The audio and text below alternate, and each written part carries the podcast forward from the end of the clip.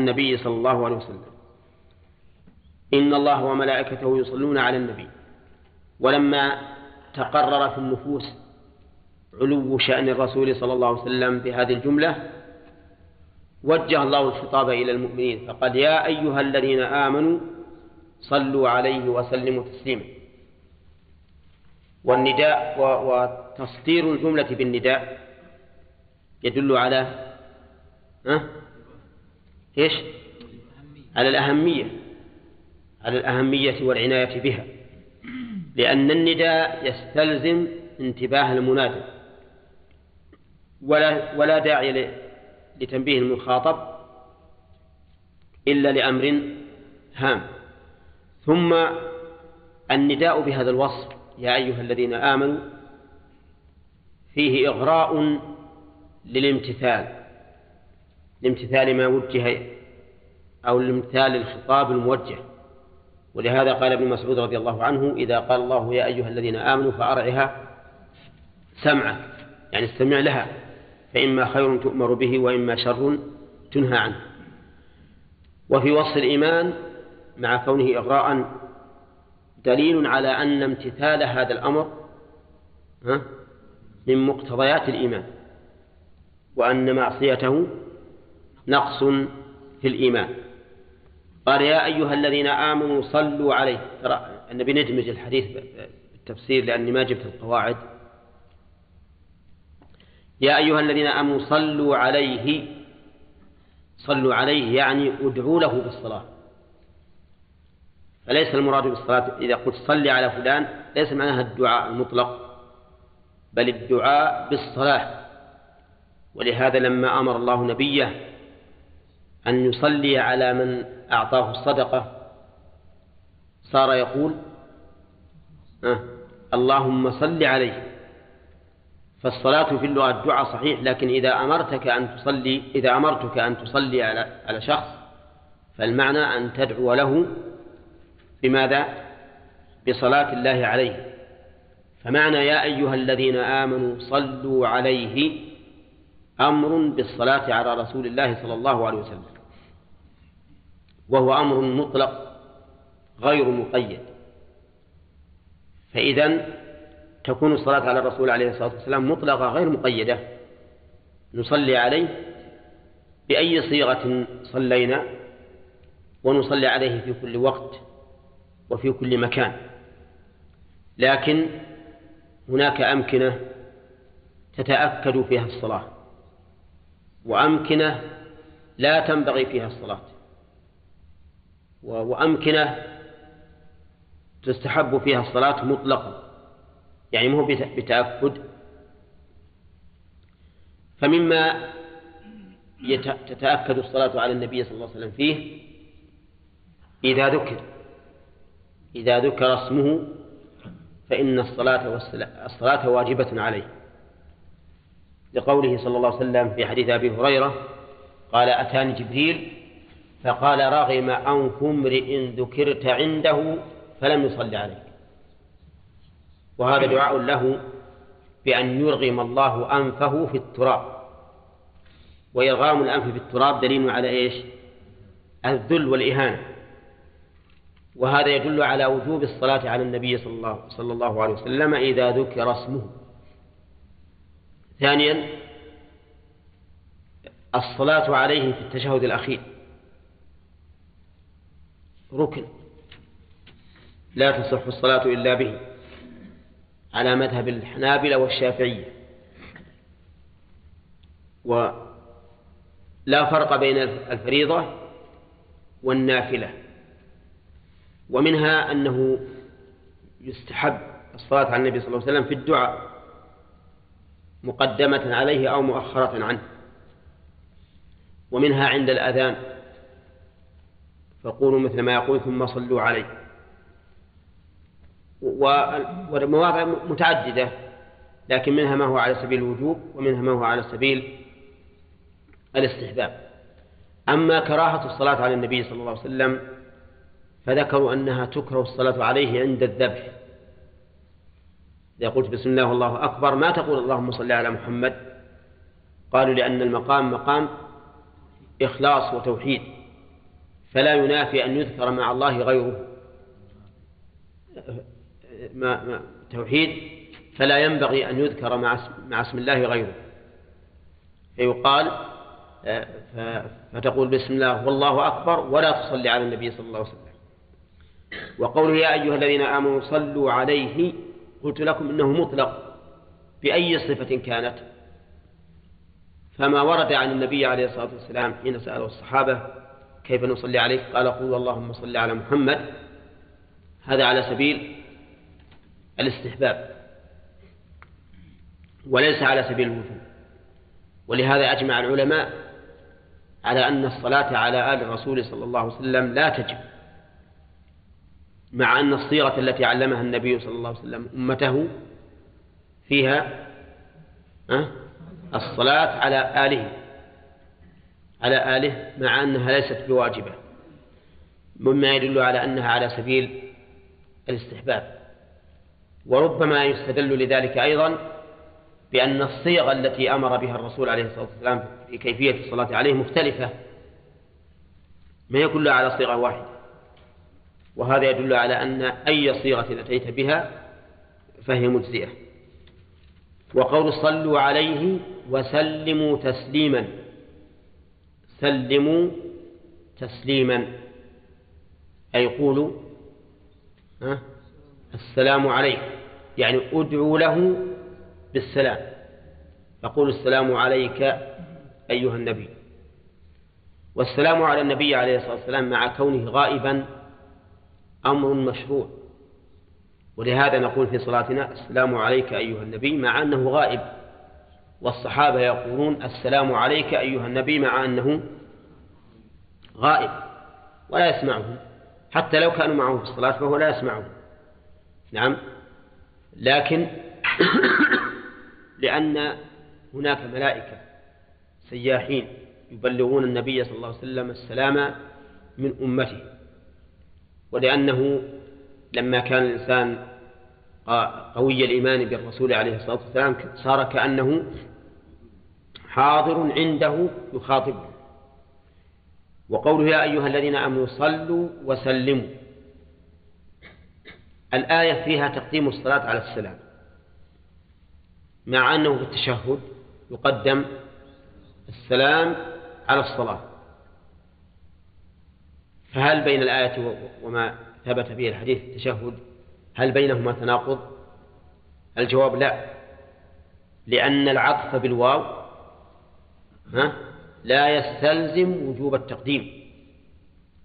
لا يستلزم وجوده وجوب التقديم وإن كان قد يقتضيه. لكنه لا يستلزمه لأن الواو كما قال أهل اللغة تدل على مطلق الاشتراك بدون ترتيب. ولهذا إذا قلت ما شاء الله وشئت مع أنك قدمت مشيئة الله صار هذا نوعا من الشرك. لأن الواو ما تقتضي التسوية. ولا, ولا وليست تستلزم الترتيب. طيب إذا قال قائل لماذا أكد التسليم بالمصدر؟ قال سلموا تسليما. ولم يؤكد الصلاة. فالجواب أن الصلاة تقدم ما يؤكدها. وهو إخبار الله تعالى بأنه يصلي عليه وملائكته. وهذا يعطي الإنسان قوة في الصلاة عليه. متى علم بأن الرسول صلى الله عليه وسلم يصلي الله وملائكته عليه؟ فلهذا جاء التوكيد في التسليم دون الصلاة لأن الصلاة أكدت تأكيدا معنويا. تأكيدا معنويا بذكر أن الله وملائكته يصلون على النبي. وأما التسليم فأكد تأكيدا إيش؟ لفظيا. لأن قوله تسليما مصدر مؤكد لقوله سلموا. قال المؤلف إن الله وملائكته يصلون على النبي محمد صلى الله عليه وسلم. ولم يفسر يصلون رحمه الله. وهذا نقص في التفسير. ثم قال يا أيها الذين آمنوا صلوا عليه وسلموا تسليما أي قولوا اللهم صل على محمد وسلم. ولم يفسر التسليم. فما معنى التسليم؟ قال بعض العلماء إنك إذا قلت السلام عليك فالسلام من أسماء الله يعني الله عليك الله عليك. وما معنى الله عليك؟ أي الله حفيظ عليك يراقبك ويحفظك. نعم. ومنهم وقال بعض العلماء السلام عليك أي التسليم عليك. فهي جملة خبرية بمعنى الدعاء. والسلام اسم مصدر سلم مثل الكلام اسم مصدر ها؟ كلم. فمعنى السلام عليك يعني تسليم الله عليك أي تسليمك من الآفات. وهذا المعنى أصح. هذا المعنى هو الصحيح. أنك إذا قلت لإنسان السلام عليك أنك تسأل الله تعالى أن يسلمه من الآفات. الآفات الحسية والمعنوية أو أحدهما ها؟ نعم السلامة السلامة الحسية والمعنوية. فالسلامة الحسية سلامة البدن والعرض والمال والسلامة المعنوية سلامة الدين. سلامة الدين من من الآفات. لأن الإنسان محوط بآفتين آفة في الدين وآفة في الدنيا. والسلامة منهما جميعا من أكبر نعم الله على العبد. نعم.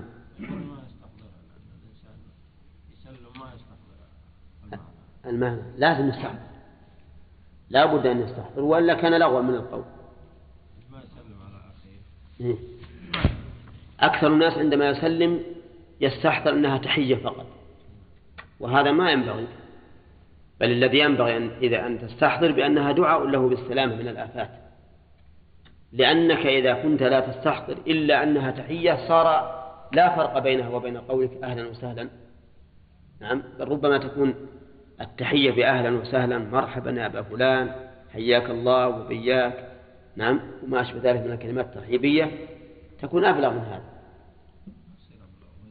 ولهذا ينبغي لنا بس ما دام ما نويت المعنى الذي قصده الشارع صار لفظا مجردا. فينبغي لنا إذا سلمنا على أحد أن نستحضر أننا ندعو له بالسلامة من الآفات. ولهذا لو أتيت بكل ترحيب ما قابل هذه الجملة الدعائية أن تدعو الله له بالسلام. فالحاصل إن, أن ما ذكره الأخ قال صحيح أن أكثر الناس يقول السلام عليكم من باب ها؟ من باب التحية فقط. نعم. إي نعم نعم نعم. يحرك لأنه دعاء. ها؟ ورد كذلك. يعني ينبغي لنا أن نستحضر المعاني في كل ما نقول. حتى الآن التحيات لله الله يتوب علينا وعليكم. هل نحن نستحضر معنى التحيات ومعنى الصلوات ومعنى الطيبات؟ نعم. ولا ما تمشي ألفاظ ها؟ أحيانا وأحيانا. هذا أيضا ما ينبغي. يعني ينبغي أن تستحضر لكل لفظ معناه. وإلا صارت صارت ألفاظا جوف. ثياب ما فيها أجسام. أو أجسام ما فيها أرواح. وش الفائدة أنك تقرأ التحيات لله والصلوات والطيبات وسارح. ما عندك إلا ألفاظ تمر على القلب فقط. هذه ينبغي لك كل ما قرأت هذا أنك تستحضر وتصلي. وش معنى التحيات ومعنى الصلوات وش معنى الطيبات. ولا لا؟ وإن شاء الله تعالى نختبركم فيها في يوم من الأيام. وش معنى التحيات؟ وش معنى الصلوات؟ نعم. إلا إذا كانوا مستعدين الآن عشان نكمل بقية الحصة. ها؟ أشرحها؟ إذا شرحتها ما صارت اختبار ها؟ ما يخالف الآن نشوف التحيات. من اللي يعرف معنى التحيات؟ ها. يعني كل لفظ دال على البقاء والتعظيم. نعم والتكريم. لأن التحية معروفة. تعظيم للمحيا وتكريم له طيب لله معروف أنها مستحقة لله وأنها خاصة به. الصلوات وش معنى الصلوات. الصلوات لله. ها؟ الفريضة والنافلة وهي العبادة المخصوصة ولا حتى الدعاء يدخل؟ ها؟ يدخل الدعاء. فالصلوات بمعنى العبادة المخصوصة وبمعنى الدعاء أيضا.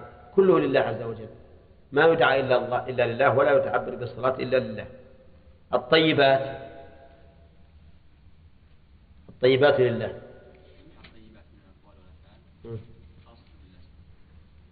نعم. وكذلك الأوصاف. فالطيبات منا والطيبات منه. فكل صفاته طيبة وكل أفعاله طيبة وكل أقواله طيبة. نعم. ومنا أيضا ما يكون لله ولا يقبل ولا يقبل الله إلا ما كان طيبا. ولهذا قال النبي عليه الصلاة والسلام إن الله طيب لا يقبل إلا طيبا. من يستحضر هذين المعنيين عند يصلي أن الطيبات باعتبارها صفة لله وباعتبارها وصفا لفعل المخلوق. ها؟ الغالب الثاني أن المعنى الطيبات الواقعة منا تكون لله. لا يقبل الله سواها لا الحقيقة المعنيين هذا كلا المعنيين حق. إن الله طيب ها؟ هذا باعتبار ما يتعلق بالله. لا يقبل إلا طيبا باعتبار ما يفعله العبد. طيب وش معنى السلام عليك أيها النبي؟ قلنا ورحمة الله وبركاته. ها. الرحمة إيش؟ الدعاء له بالرحمة وهي حصول المطلوب وبالسلام زوال المطلوب وبركاته يعني الخير الثابت الكثير. فأنت بعد ما دعوت له بالرحمة سألت الله تعالى أن يجعل ذلك بركة عليه مستمرا. وأما السلام علينا وعلى عباد الله الصالحين فقد فسرها النبي عليه الصلاة والسلام. وقال إنكم إذا قلتم ذلك فقد سلمتم على كل عبد صالح في السماء والأرض. من يستحضر؟ إذا سلمنا السلام علينا وعلى عباد الله الصالحين. بمعنى سلمنا على الأنبياء. أولى والملائكة. والأولياء. والصالحين. من هذه الأمة ومن غيرها. حتى نسلم بهذا بهذا الكلام نسلم على الحواريين. ها؟ الذين اختارهم عيسى. والسبعين الذين اختارهم موسى والقليل الذين آمنوا بنوح وأصحاب الكهف ها؟ من يستحضر وآدم وغيره هل نستحضر هذا؟ ها؟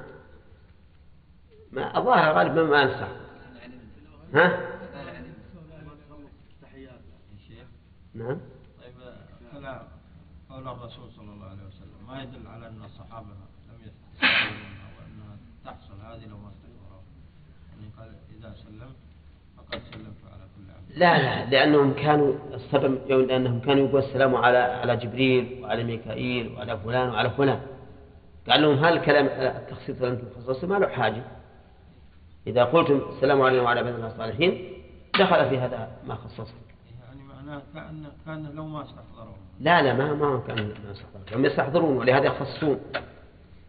طيب وقوله أشهد أن لا إله إلا الله وأشهد أن محمدا عبده ورسوله. واضح.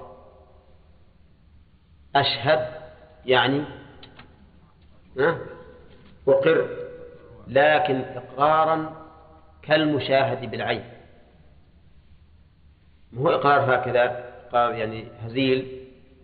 يعني أشهد أصل الشهود أو الشهادة لما رؤي أو سمع بالأذن. لكن هنا عبر عما في القلب بالشهادة لأنه كأن الإنسان يشاهد ما أقر به. وأما أن لا إله إلا الله فالعامة يخطئون فيها يقولون أشهد أن لا إله إلا الله. أشهد أن وهذا خطأ من حيث اللغة. لأن أن المشددة ما يحدث اسمه ولكنها أن المخففة. طيب لا إله إلا الله يعني؟ لا نعم لا إله حق أي لا معبود حق إلا الله عز وجل. والمعبودات التي تعبد من دونه باطلة. وأشهد أن محمدا عبده ورسوله. فيها أيضا الإقرار المتيقن كأنما يشاهد بأن محمدا عبد الله ورسوله. فهو عبد ليس له حق من الربوبية ورسول ليس, ليس فيه شيء من الخيانة فهو رسول حقا. هذا هو معنى التشهد وليس بعد المعنى الذي هو كل المعنى بل هذه معاني ظاهرة عابرة ومع ذلك أكثر الناس ما يستحضرون نعم.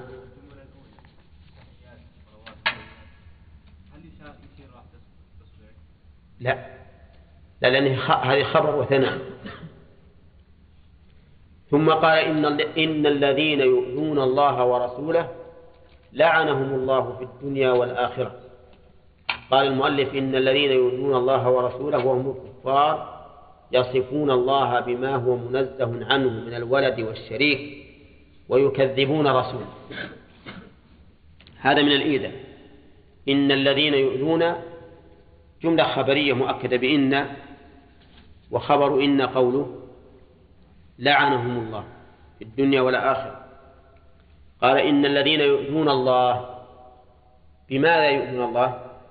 يؤذون الله بوصفه بالعيوب التي لا تليق به. نعم مثل قول بعضهم إن الله فقير ومثل سب الدهر يؤذيني ابن آدم يسب الدهر ومثل أن يقولوا إن الله اتخذ صاحبة أو ولدا أو إن الله تعالى لما خلق السماوات والأرض تعب واستراح يوم السبت وما أشبه ذلك فإيذاء الله تعالى يكون بماذا؟ بأن يوصف بما لا يليق به ومنه إنكار أسمائه وصفاته فإن هذا لا شك من يعني سلب الكمال عنه يتضمن إيش؟ يتضمن نقص لأن الكمال والنقص متضادان ما من شيء إلا موصوف بالكمال أو بالنقص. فإذا سلبت عنه صفات الكمال لزم من ذلك اتصافه بالنقص وهو نوع من الإيذاء. وأما إيذاء الرسول عليه الصلاة والسلام فيكون بالقول وبالفعل. فبالقول أن يوصف الرسول عليه الصلاة والسلام بأنه ساحر أو شاعر أو كاهن أو مجنون والغريب أن الساحر والمجنون وصف به جميع الأنبياء كل الأنبياء السابقين المرسلين إلى قومهم وصفوا بهذا قال الله تعالى كذلك ما أتى الذين من قبلهم من رسول ها؟ ما أتى الذين من قبلهم من رسول إلا قالوا ساحر أو مجنون. فهذه الأوصاف لا شك أنها تؤذي الرسول عليه الصلاة والسلام وتؤذي كل ولي لله ورسوله. أن يوصف النبي عليه الصلاة والسلام بهذه الأوصاف الكاذبة. وكذلك إيذاء الرسول بالفعل كما صنع قريش به صلى الله عليه وسلم حين أتوا بسلا الناقة وهو ساجد في المسجد الحرام أمام بيت الله عز وجل فوضعوا سلا الناقة على ظهره وهو ساجد. أي أذية أبلغ من هذا؟ رجل لم يتعرض لهم وإنما يعبد الله تعالى في آمن مكان على وجه الأرض أمام بيت الله سبحانه وتعالى. وأقرب ما يكون من ربه ثم يأتي هؤلاء الظلمة المعتدون فيضعون عليه هذه القاذورات. أعتقد أن هذا من أبلغ ما يكون من الأذية. نعم. حتى جاءت ابنته الطفلة الصغيرة فأزالته عنه.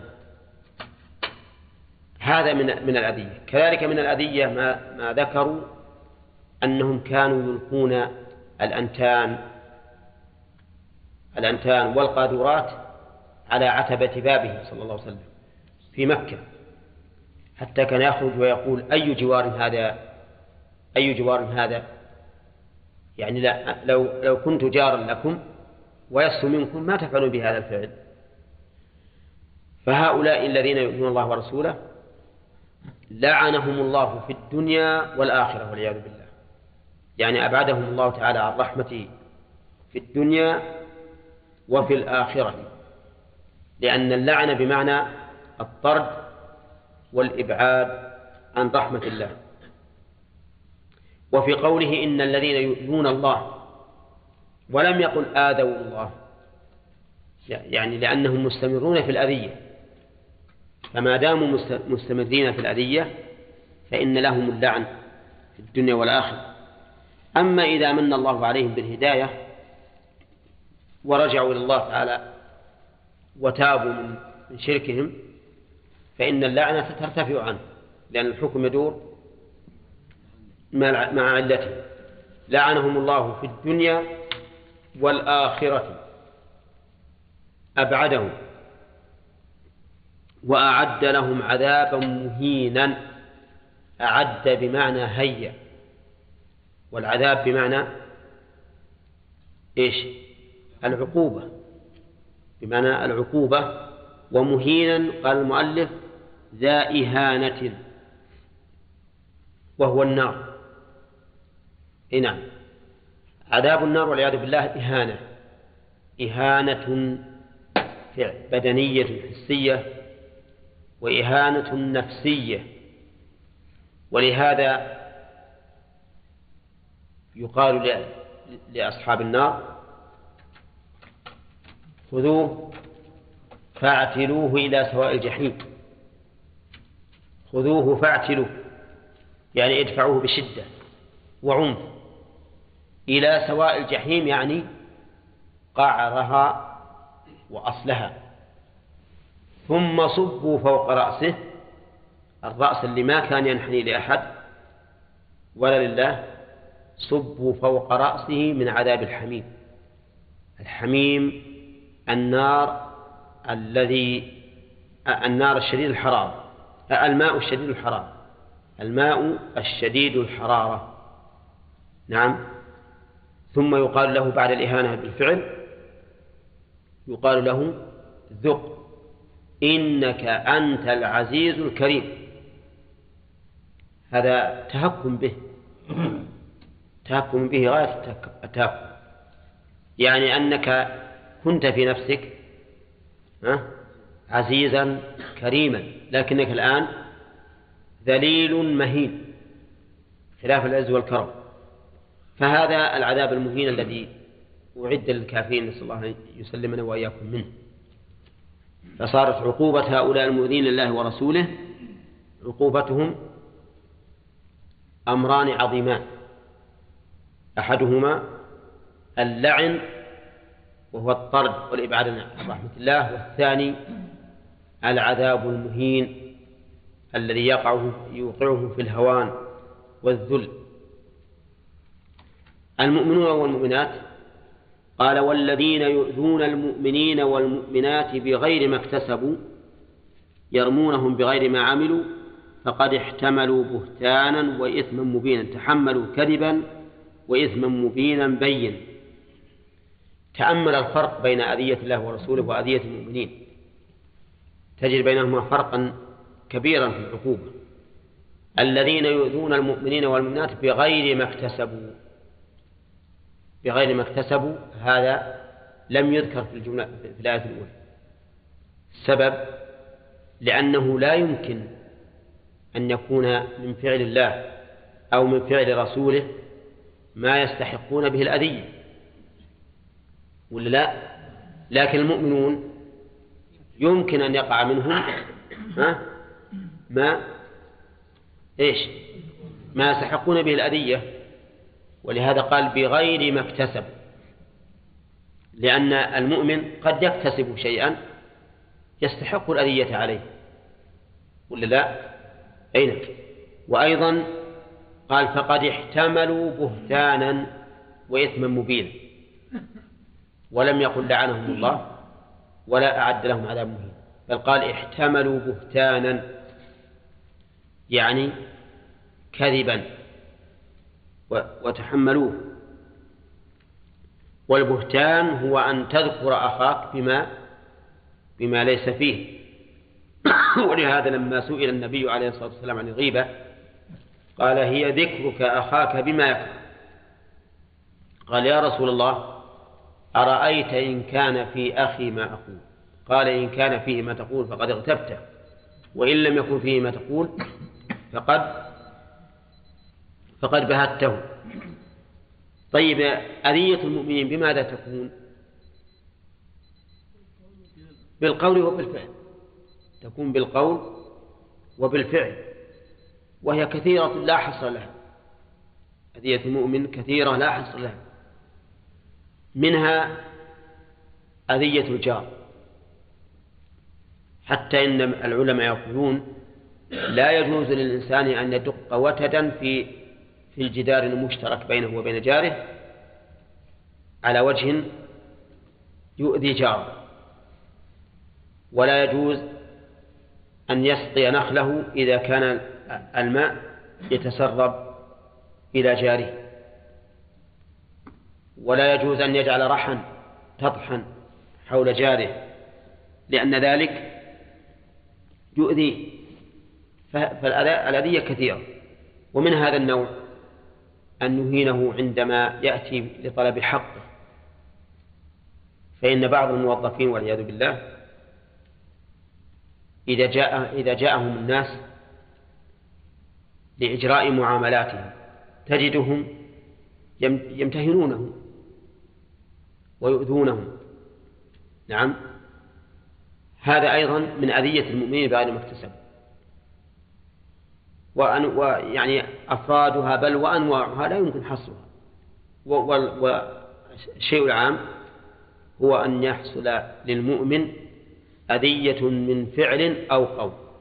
فالذين يؤمنون المؤمنين بغير ما اكتسبوا فقد احتملوا بهتانا وإثما مبينا. نسأل الله العافية.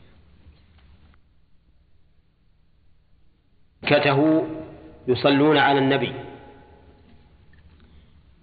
في هذه الآية فوائد منها إثبات الملائكة. لقوله وملائكته. ومنها شرف شرف الملائكة. بإضافتهم إلى الله سبحانه وتعالى. تقدموا في المكان هذا. تقدم في المكان هذا يا حامد. لقوله وملائكته فإضافته من الله إضافة تشريف. ومن فوائدها بيان علو شأن النبي صلى الله عليه وسلم. لكون الله وملائكته لكون الله وملائكته يصلون عليه. هذا بلا شك من من علو شأنه ورفعة ذكره. ومن فوائدها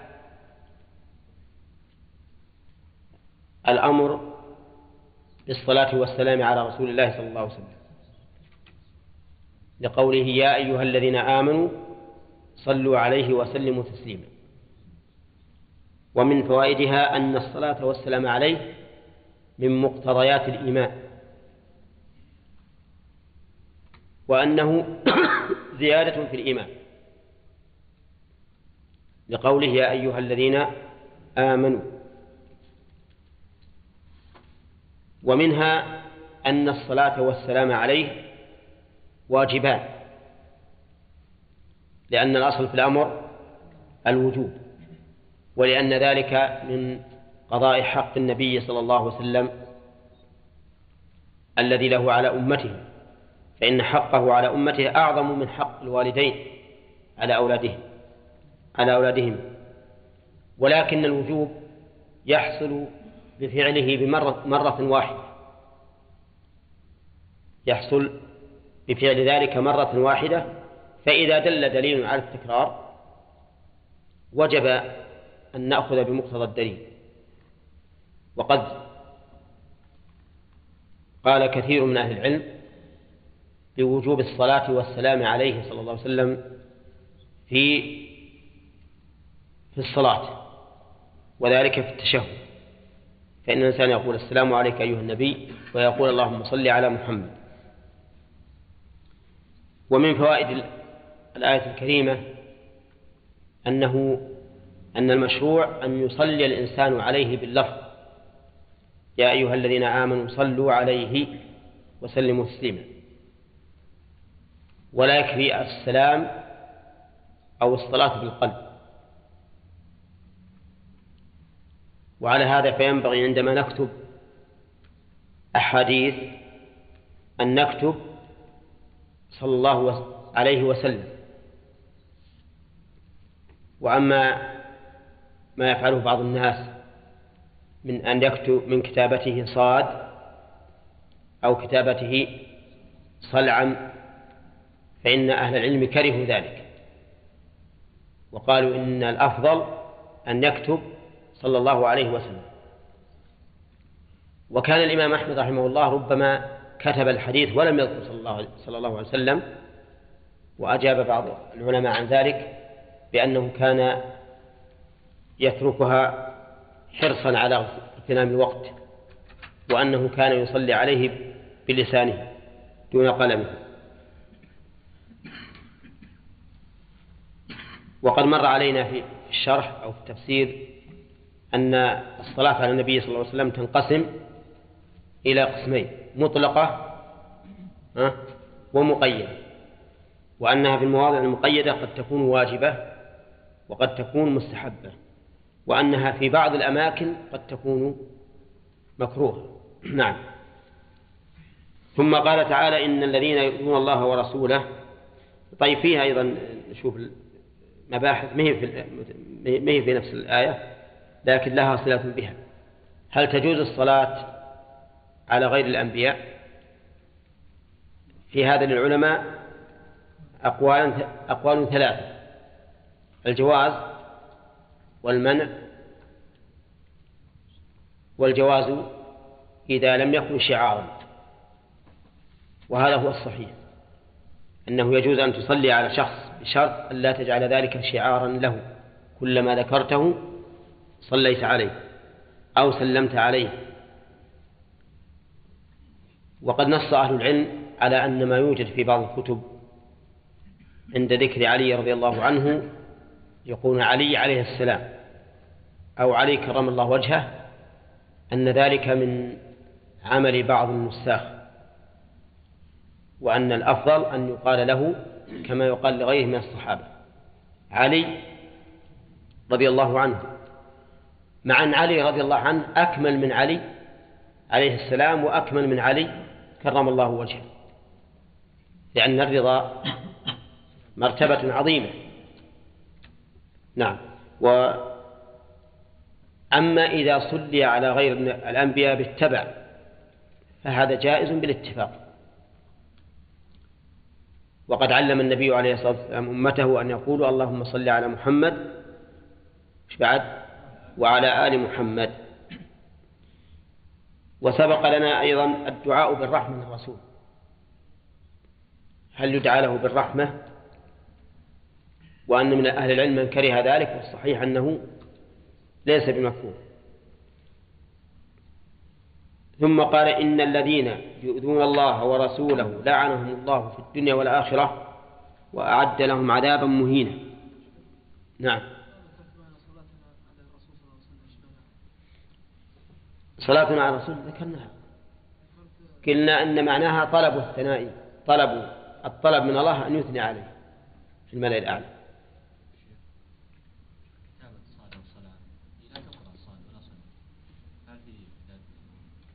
إي نعم لأنه يقولون إما أن تكتبها كاملة وإما أن تدعها. دانا من القراءة لكن الكتابة. إذا جاء إنسان مثلا بيقرأ وما يعرف اصطلاح كتاب هؤلاء سوف يقول قال رسول الله صاد قال رسول الله صلى الله عليه وسلم.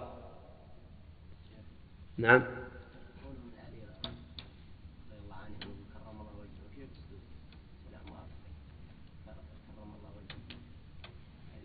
يقولون إنه لم يسجد لصنم.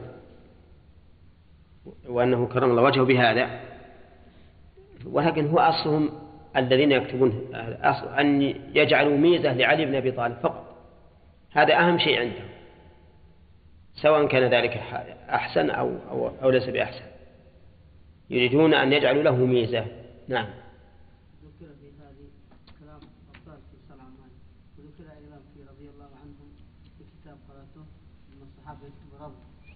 يعني يقول يعني رب الله عجيب. هذه اصطلاح وش يقول؟ عندك مكتوبة؟ لا لا. ها. اي وش يقول؟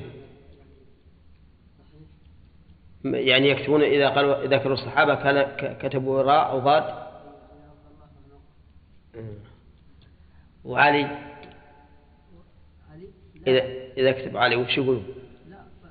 لا بالنسبة لش اسمه كتب عن هذا عن الصحابة إذا ذكر أي صحابي. إيه؟ رب معناه رضي الله عنه وعشان بس يزقهم هكذا اصطلاح كتبوا عن الشيعة. لكن أنت ما تظن أن الراء والضاد مثل الصاد؟ في صلى الله عليه وسلم. ما تظن أن هذه رمز؟ لا أنا أظن أنها رمز. إيه هذا هو أنها رمز ثم كتبوا في كتاب الشيعة مكتوب عنهم يعني هذا اللي يقصدون إيه، يمكن. الله أعلم. نعم. ها؟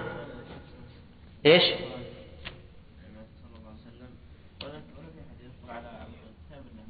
ما يطلع عليه إلا هو وإذا مات.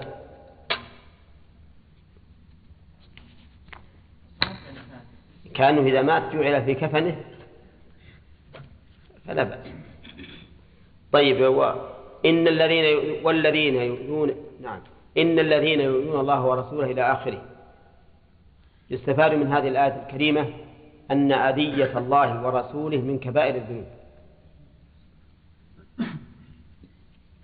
وجه ذلك أن الله توعد عليها باللعن والعذاب. وكل شيء توعد الله عليه باللعن أو العذاب فإنه من كبائر الذنوب. وقد اختلف العلماء في الكبائر هل تعد أو تحد؟ فمنهم من عدها عدا ومنهم من حدها حدا. وقال إن الكبيرة كل ما رتب عليه عقوبة خاصة فهو كبير. وهذا حد لشيخ الإسلام ابن تيمية رحمه الله. كل شيء أو كل ذنب رتب عليه عقوبة خاصة دينية دنيوية أو أخروية فإنه من كبائر الذنوب سواء كان ذلك لعنة أو غضب أو نفي إيمان أو تبرؤ منه أو عذاب أو ما أشبه ذلك. كل شيء جعل عليه عقوبة خاصة فهو من كبائر الذنوب. ويستفاد من الآية الكريمة وصف الله تبارك وتعالى بأنه يتأذى لقوله يؤذون الله ورسوله. ويستفاد منه بيان كمال الله عز وجل.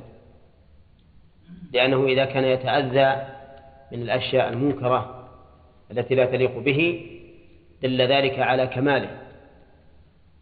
ولهذا عند الناس من العيب أن الإنسان لا يتأذى بما يوصف به من عيب. من العيب أن لا يتأذى بما يوصف به من عيب. ولهذا يسمون مثل هذا الرجل يسمونه الحمار لبلادته وعدم أهميته.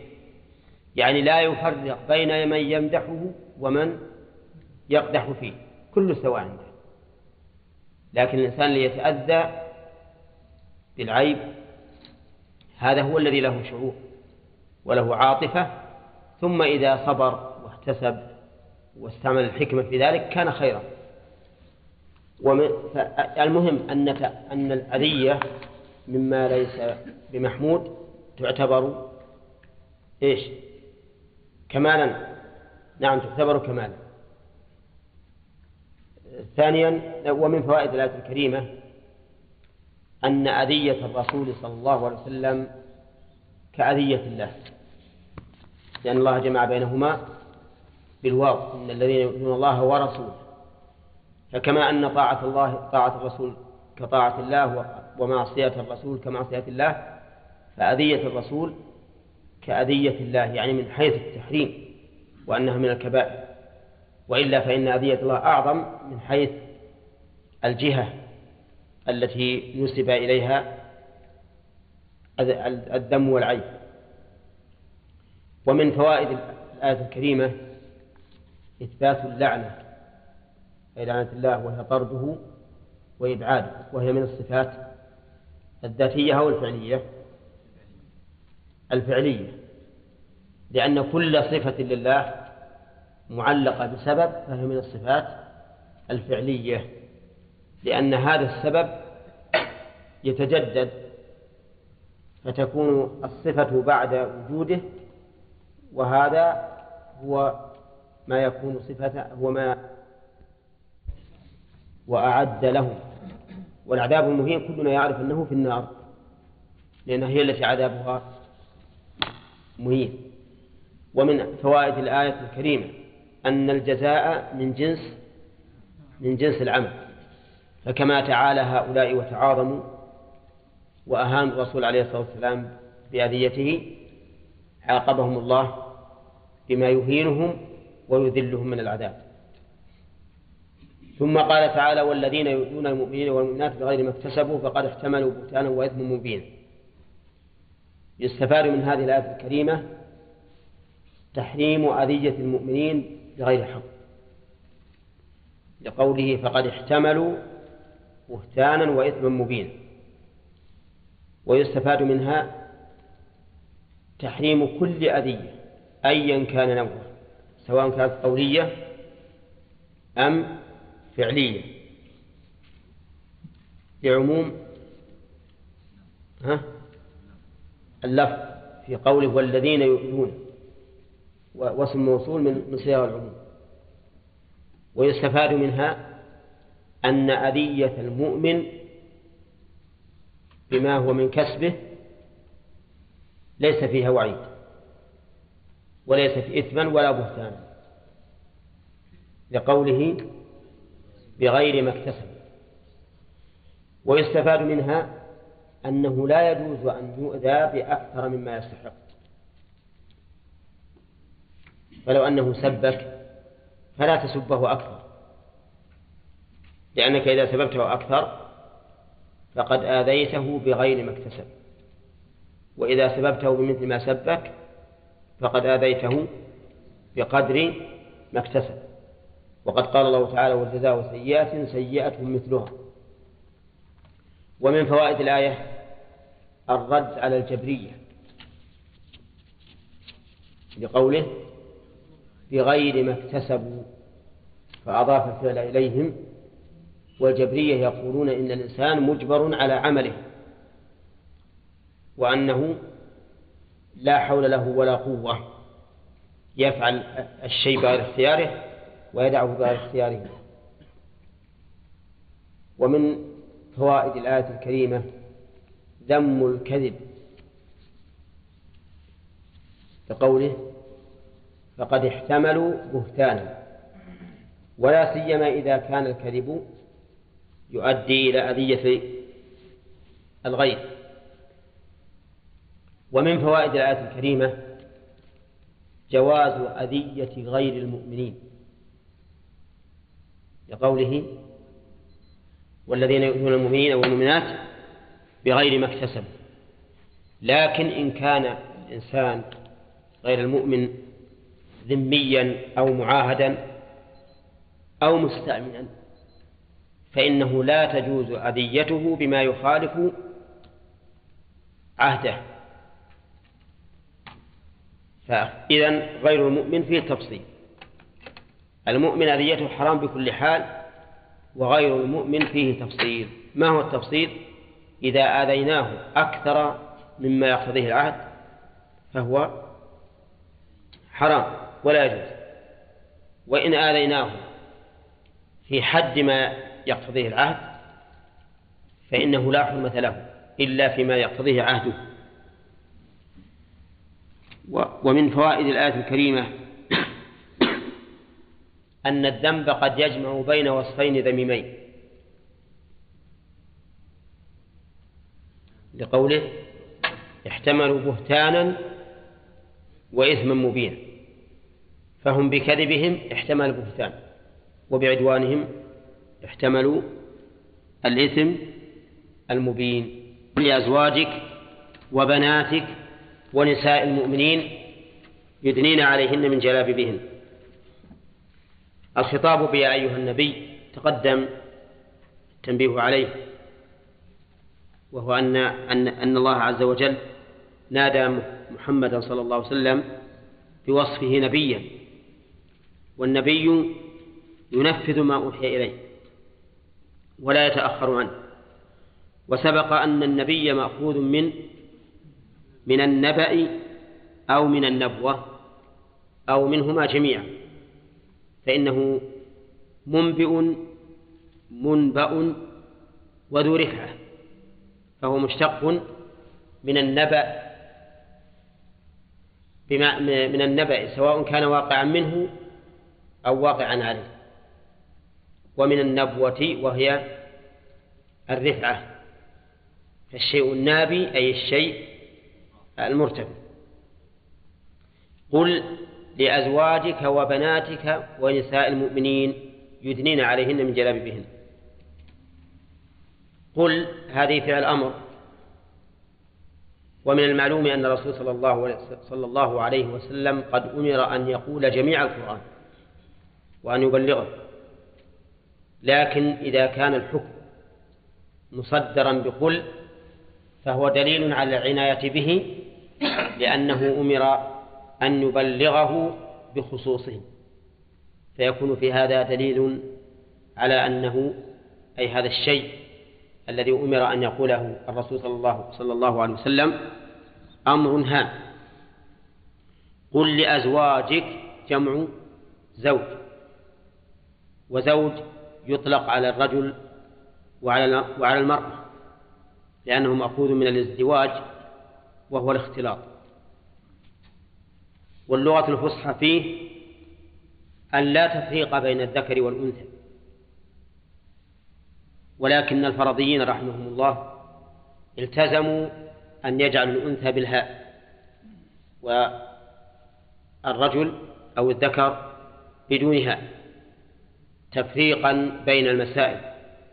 لأنهم إذا قالوا مات ميت عن زوج وابن وأرادوا بالزوج الأنثى اشتبه هل يراد به الزوج الذكر أو الأنثى فالتزموا أن يفرقوا بين الذكر والأنثى بالتاء. على أنها قد قيل إن على أنه قد قيل إنها لغة لكنها قليلة.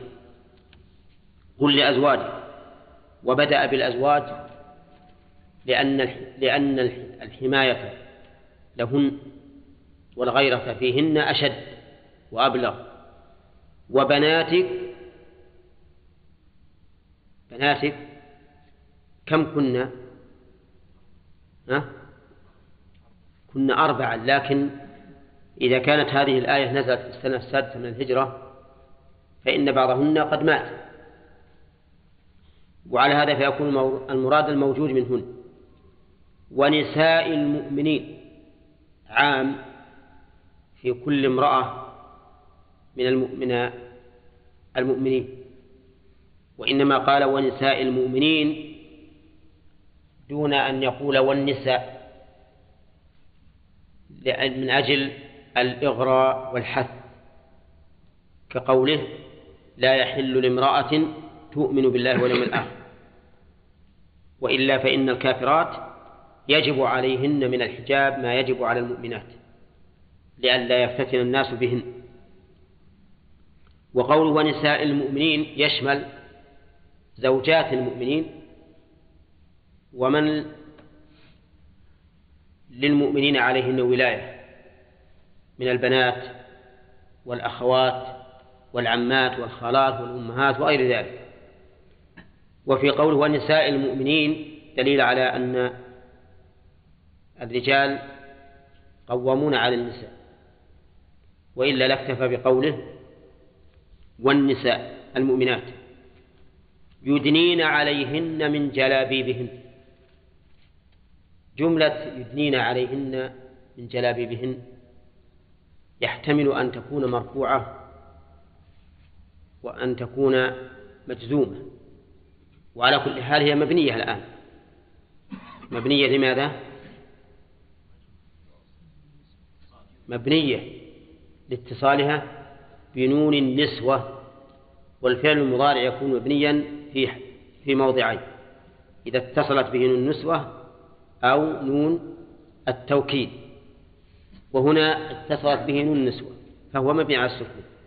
لكن هل هو في محل رفع أو في محل جزم؟ إن كانت يدنين مقول القول فهي في محل رفع يعني قل لهم أدنين. قل لهؤلاء أدنين وإن كانت جوابا للأمر فهي في محل جزم في محل جزم لأن جواب الأمر يكون مجزوما وقيل إنها مجزومة مجز إنها مجزومة على تقدير الله أي قل. قل لأزواجك وبناتك ونساء المؤمنين ليدنين عليهن من جلابيبهن أي على تقدير لام الأمر كقول الشاعر محمد تفدي نفسك كل نفس تفدي. جزمها على تقدير ها اللام أي لتفدي نفسك. أي الاحتمالين أرجح أن تكون مقولا للقول؟ في محل رفع أو أن تكون في محل جزم. نعم. نشوف القرآن قد يبين ذلك. قال الله تعالى قل لعبادي يقول التي هي أحسن. قل لعبادي يقولوا التي هي أحسن. هذا يدل على أنها مجزومة على أنها جواب الأمر. إذ لو كانت مرفوعة لقال يقولون يقولون التي هي أحسن. فلما قال يقولوا دل على أنها جواب الأمر. نعم. وهي أيضا من حيث المعنى أبلغ. إذا كانت جوابا للأمر كأنهم يفعلون ذلك مباشرة. يعني كأن فعلهم هذا جواب جواب للأمر أي أنه متسبب عنه. فيكون ذلك أبلغ في الامتثال من أن يؤمروا أمرا قد يمتثلونه وقد لا يمتثلونه. قل للمؤمنين يغضوا من أبصارهم. قل للمؤمنين يغضوا من أبصارهم. وش يؤيد؟ أن جواب الأمر ولا أنها مقول القول؟ أه؟ أنها جواب الأمر. ولهذا قال يغضوا من أبصارهم. فجزمها بحذف النون ولم يقل أه؟ يغضون من أبصارهم. وقل للمؤمنات يغضضن من أبصارهم. وش يؤيد؟ آه هذا ما ما فيه دليل. لأنه مبني. فلا فيه دليل فليس فيه دليل على هذا وعلى هذا ولا على هذا. المهم أن الأولى أن نجعل قوله يدنين عليهن من جلابيبهن آه جوابا للأمر. ويؤيد ذلك السياق في في كتاب الله. ويؤيد ذلك أنه أقوى في في الامتثال والتنفيذ حيث كان جوابا لمجرد القول كأنهن يفعلن ويمتثلن. يدنين عليهن من جلابيبهن. من جلابيبهن. قوله من ليست زائدة كما قيل لأن من ما تزاد إلا في النفي. كما قال ابن مالك وزيد في نفي وشبهه فجر. أكملوا. نكرة كما لباغ من مفر. وعلى هذا فمن ليست بزائدة يعني ليس ليس المعنى يثنين عليهن جلابيبهن بل من للتبعيض أي يدنين عليهن من جلابيبهن. يعني بعض جلابيبهن بعض جلابيبهن. وهل التبعيض هنا تبعيض جزء من كل؟ أو تبعيض فرد من فرد. بمعنى هل إن قوله من جلابيبهن؟ أي من الجلابيب التي عندهن لأن الواحدة قد يكون عندها جلباب أو جلبابان أو أكثر. أو أن المعنى بعض الجلباب التي هي الذي عليها. هذا الأخير هو الأقرب. يعني تدني عليها بعض جلبابها. والجلباب هو الرداء. أو الملاءة أو الملحفة يعني الشيء الواسع الذي يشمل جميع البدن أو أكثره ويدنين عليهن. ولم يقل إليهن بل قال عليهن ليكون الإدناء ملاصقا لهن. فمثلا هنا إذا قلت هكذا هذا أدنيت ها إلي. لكن إذا قلت هكذا علي فكأنه ضمن معنى يضممن عليهن يدنين عليهن من جلابيبهن أي يقربن حتى يضممنه على عليهن. وقوله يدنين عليهن من جلابيبهن عليهن لم يقل على وجوههن ولا على نحورهن ولا على صدورهن فيكون شاملا لجميع البدن. يدنين عليهن أي على جميع البدن. ولكن من المعروف أن الجلباب ساتر لأكثر البدن. والعادة عندهم أن المرأة تكشف وجهها وتخرج مكشوفة الوجه ومكشوفة النحر. فأمر الله عز وجل أن يدين عليهن من جلابيبهن أي على هذا المكشوف الذي يكشف عادة وهو الوجه والنحر كما قال ذلك ابن عباس وغيره بأن تغطي وجهها ولا تبدي إلا عينا واحدة تنظر بها للضرورة. وهذا فيما إذا كان الجلباب صفيقا بحيث إذا غطت به وجهها لا لا ترى. أما إذا كان خفيفا كما هو المعروف عندنا في الوقت الحاضر فلا حاجة إلى إبداء العين. لأن إبداء العين إنما هو ها للضرورة بدليل أن الصحابة كابن عباس وغيره رخصوا في إبداء العين الواحدة لأنها بقدر الضرورة. وإلا لكانوا يقولون تخرج العينين جميعا. وعلى كل حال فالمعنى يدنين عليهن من جلابيبهن فيما يكشفنه من من أبدانهن وهو الوجه. هذا ما جرت به العادة. وكان هذا الكشف كان هذا الكشف عاما للإماء والحرائر. فصار بعض من في قلبه مرض من المنافقين الذين يؤذون المؤمنين والمؤمنات صاروا يلاحقونهم فإذا عثر عليهم عليهم قالوا هذه أمة. حسبناها أمة فعيرناها وهي حرة. فشكي ذلك إلى رسول الله صلى الله عليه وسلم فأنزل الله هذه الآية. يا أيها النبي هكذا قال بعضهم في سبب النزول لكنه غير غير مسند. ونحن لا لا يهمنا أن تكون الآية لها سبب في نزولها أم لم أم ليس لها سبب. المهم هو الحكم الذي دلت عليه. قال يدنين عليهن من جلابيبهن جمع جلباب وهي الملاءة التي تشتمل بها المرأة. أي يرخين بعضها على الوجوه إذا خرجن لحاجتهن إلا عينا واحدة. إلا عينا واحدة ليش؟ لضرورة النظر. وقوله جمع جلباب وهي الملاء هو كما قال وهي تشبه العباءة عندنا.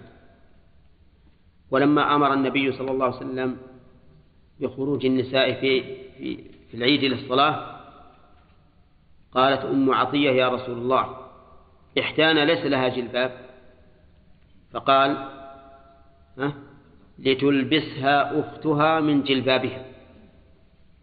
ولم يقل لتخرج بدون جلباب وهذا يدل على أنه لا بد أن تخرج المرأة بما يسترها ولا يبين حجم جسمها. ذلك أدنى أقرب إلى أن يعرفن بأنهن حرائر فلا يؤذين بالتعرض لهن. قول أدنى أن يعرفن بأنهن حرائر هذا بناء على ما قلت.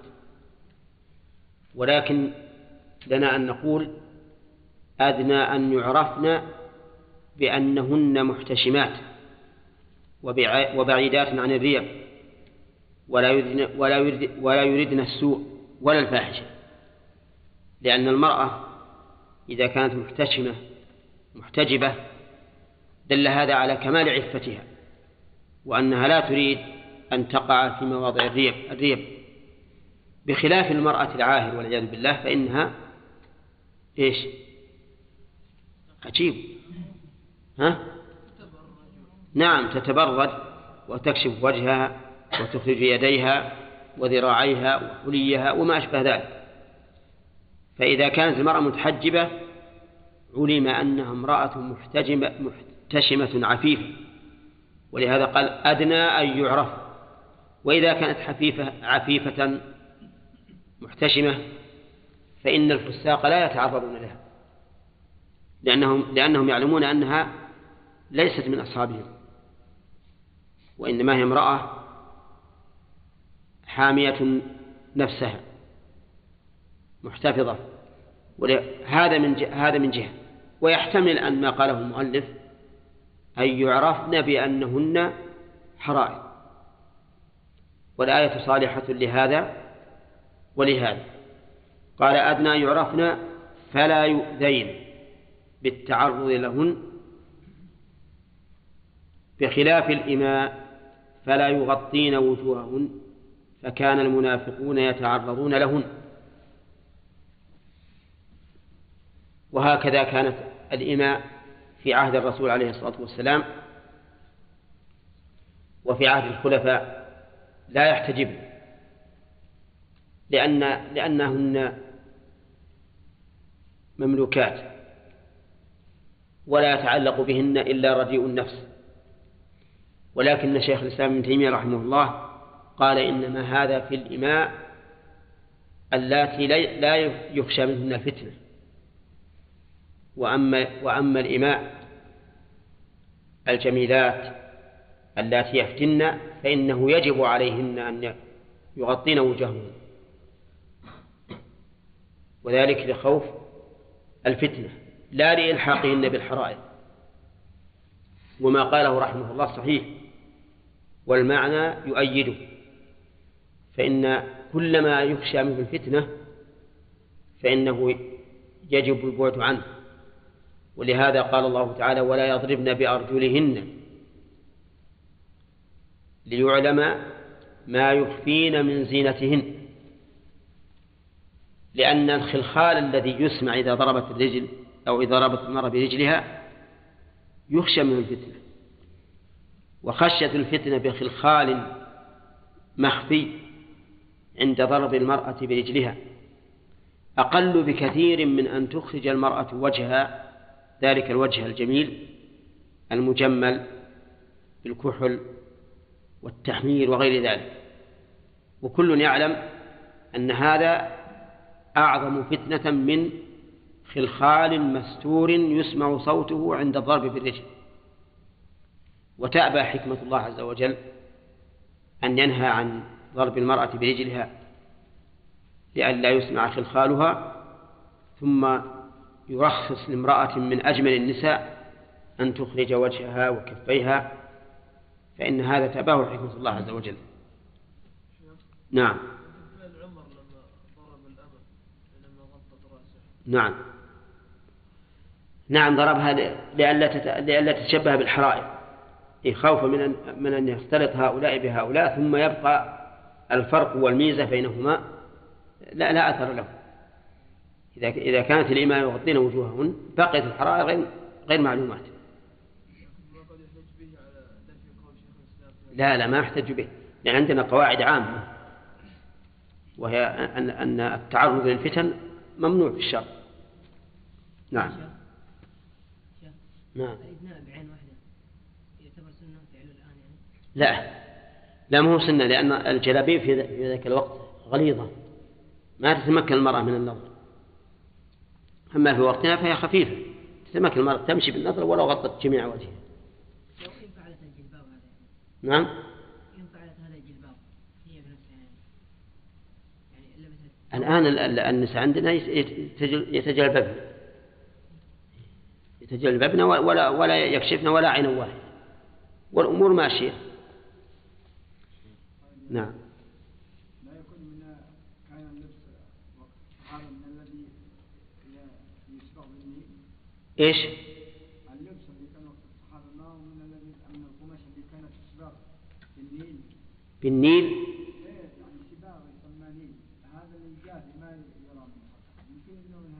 إيه هو الظاهر ولهذا الصحابة جعلوا إبداء العين الواحدة للضرورة. ولهذا اقتصروا على قدر الضرورة فقط وهي العين الواحدة وهذا يدل على أنه إذا كان يمكن المرأة أن تبصر بدون إخراج العين فإنه لا يجوز إخراج العين. نعم قوله ذلك أن لا يعرف أن أن- أن يعرف ما في دليل على وجوب تغطية الوجه لأن المرأة ما تعرف إلا من يعني مطلقا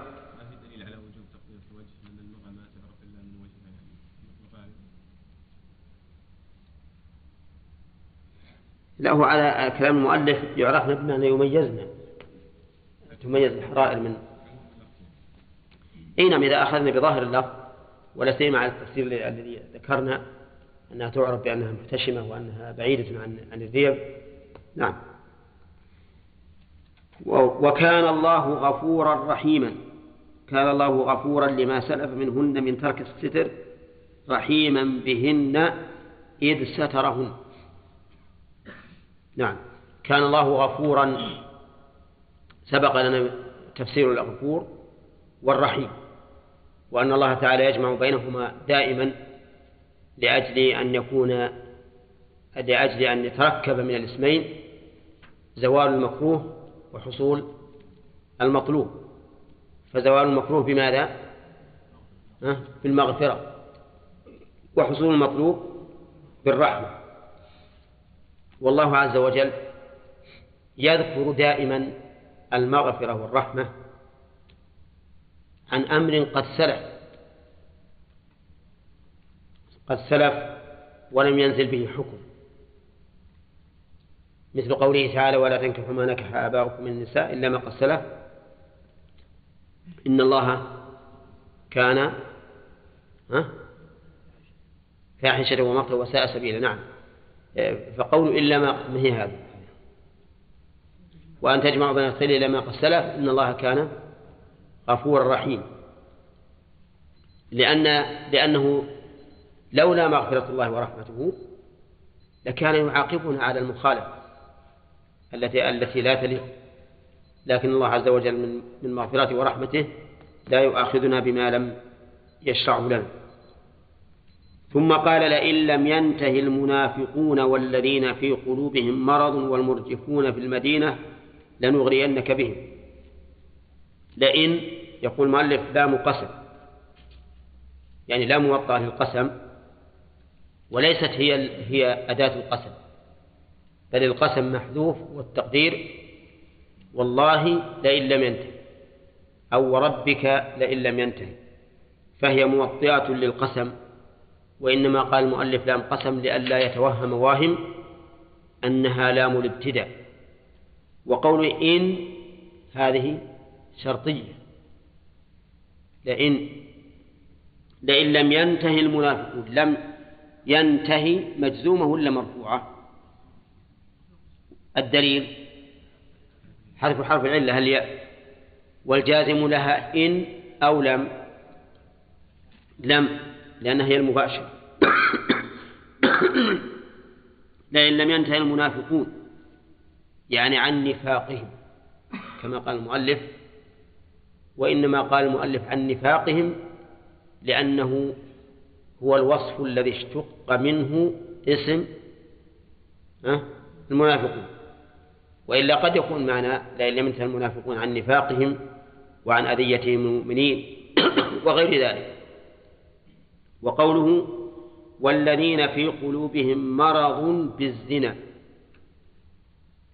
وهذا بناء على أن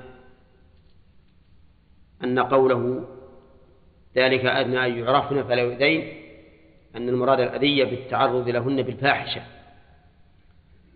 فالمعنى والذين في قلوبهم مرض هم الذين يتعرضون للنساء بطلب الفاحشة والزنا. ويحتمل أن يكون المعنى أعم أعم مما قال المؤلف. أي في قلوبهم مرض من الشك وسوء الخلق وغير ذلك وهو أعم وأحسن. والمرجفون في المدينة المؤمنين. المؤمنين مفعول مرجفون لأنه من أرجف يرجف وهي مأخوذة من الرجفة والرجفة هي الزلزلة والمرجف هو الذي يقول قد أتاكم العدو وإن لكم عدوا كثيرا وسراياكم قد قتلت وهزمت الجنود وما أشبه ذلك. يدخل الخوف والرعب في قلوب الناس وسمي ذلك إرجافا لأنه يزلزل ثقة الإنسان بنفسه وبإخوانه ولأنه يزلزل أمنه وطمأنينته. قال بعضهم ولأنه لا ثبات له لأنه قول كذب. كل هذه المعاني يحتمل أن تكون أن يكون الإرجاف مشتقا منها أو دالا عليها. إذن فالمرجف هو الذي يخبر بماذا؟ بما يزلزل طمأنينة المؤمنين من هزيمة أو قتل عدو أو كثرة جنود أو ما أشبه ذلك. ويوجد فيه أناس من هذا النوع. المدينة. إذا بعث النبي صلى الله عليه وسلم السرايا صاروا يبثون مثل هذه الأقوال بأن السرية قد هزمت وأسرت وقتلت وما أشبه ذلك. لنغرينك بهم لنغرينك بهم. اللام في قوله لنغرينك واقعة في جواب القسم. واقعة في جواب القسم المقدر.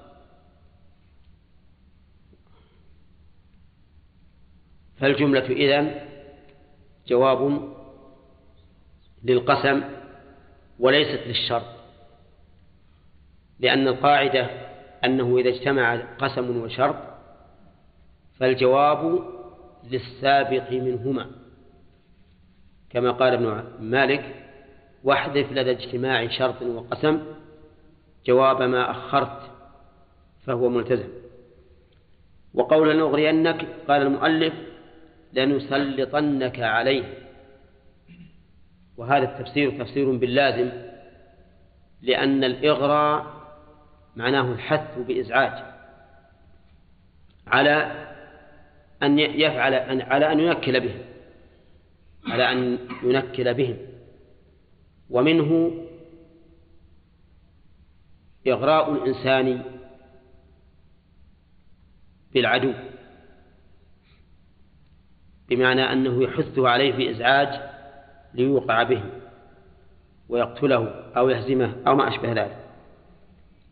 ثم لا يجاورونك فيها ثم لا يجاورونك يساكنونك فيها يعني في المدينة إلا قليلا. ثم يخرجون ملعونين. ملعونين مبعدين من الرحمة. يعني نغرينك بهم بالتسلط عليهم إما بالتعزير أو بالتأديب أو بالقتل أو أو بغير ذلك. فإذا ضاقت عليهم المدينة نعم خرجوا. ولهذا قال ثم لا يجاورونك. ولم يقل فلا يجاورونك. وذلك لتأخر انتفاء المجاورة عن إيش؟ عن الإغراء. لأنه لأن الله يغريه بهم فيحصل لهم من من التأديب والتعزير والإهانة ما لا يتمكنون معه من البقاء في المدينة. ولهذا جاءت بثم وقوله ثم لا يجاورونك به إلا قليلا. يحتمل أن المعنى إلا قليلا من الزمن أو إلا قليلا منهم. وعلى كلا الاحتمالين فإن قوله ملعونين حال من الفاعل في يجاورونك وعلى تقدير المؤلف هي حال من فاعل حذف مع عامله حيث قال ثم يخرجون ملعونين. ولكن الأقرب أن لا نقدر بل المعنى ثم لا يجاورونك إلا إلا قليلا في حال كونهم ملعونين حال المجاورة يعني حتى في بقائهم عندك يكونون ملعونين مطرودين مبعدين لا يألفهم أحد ولا يحنو عليهم. ثم قال أينما ثقفوا أخذوا وقتلوا تقتيلا. أينما ثقفوا وجدوا أخذوا وقتلوا تقتيلا. أينما؟ هذه أداة شرط تفيد العموم في المكان. وفعل الشرط قوله فعل الشرط توقفوا وجواب الشرط أخذوا أخذوا وقتلوا تقتيلا يقول أي الحكم فيهم هذا على جهة الأمر, الأمر بهم الجملة أينما تقفوا أخذوا وقتلوا جملة خبرية ولا إنشائية؟ جملة خبرية لأنها شرطية والجملة الشرطية خبرية لكنها خبرية بمعنى الإنشاء أي بمعنى الأمر والطلب أي أينما وجدتموهم فخذوهم واقتلوهم وفي قوله تقتيلا المصدر المؤكد دليل على أنهم يقتلون أفرادا وجماعات. هذه الآية لا شك أن فيها وعيدا لهؤلاء الذين جمعوا هذه الأوصاف. المنافقون والذين في قلوبهم مرض والمرجفون في المدينة. هي وعيد. والبحث فيها أولا هل هذه الأوصاف لموصوف واحد؟ أو أنها لأناس متعددين؟ هل المعنى أنهم منافقون؟ وفي قلوبهم مرض ومرجفون. فالأوصاف هذه لموصوف واحد. وصح العطف لأنه من باب عطف الصفة كما في قوله تعالى سبح اسم ربك الأعلى الذي خلق فسوى والذي قدر فهدى والذي أخرج المرء. وهو واحد ولا متعدد؟ واحد. العطف هنا عطف صفات. هل نقول إن هذه عطف صفات؟ وأنها لموصوف واحد. أو نقول إنها عطف أعيان موصوفين. ليست لموصوف واحد. هذا الأخير هو الأصح وهو أعم أيضا. لأن المنافق قد يكون في قلبه مرض يميل إلى الفاحشة والزنا وقد لا يكون. ولا لا؟ وقد يكون في في مرجفا وقد لا يكون. وقد يجمع بين النفاق والمرض القلبي بعد؟ والإرجاء وقد يكون الإنسان في قلبه مرض وليس منافق. وقد يكون مرجفا وليس منافقا ولا في قلبه مرض.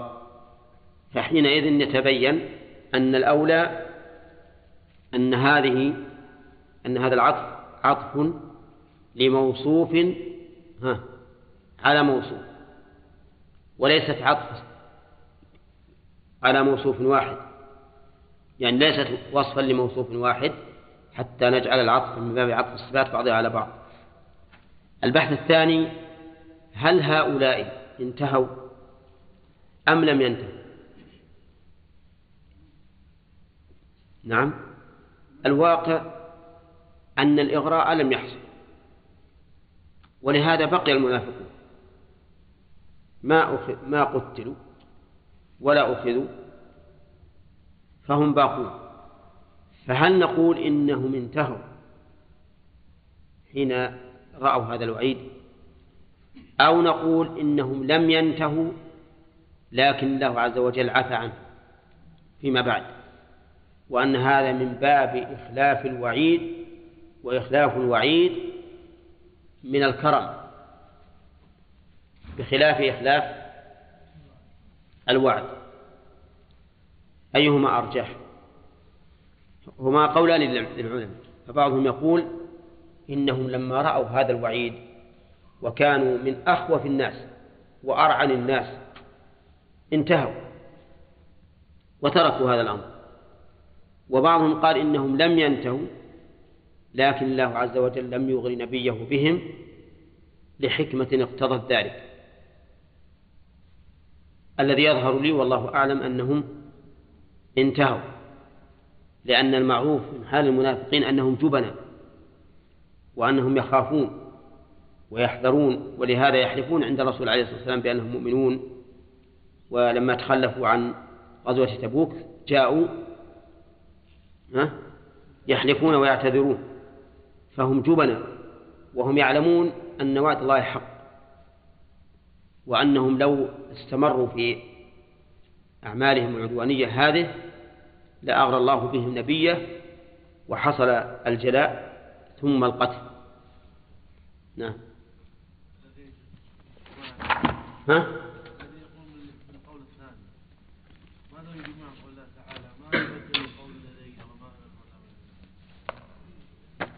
إيه يقول هذا في- فيما فيه الظلم.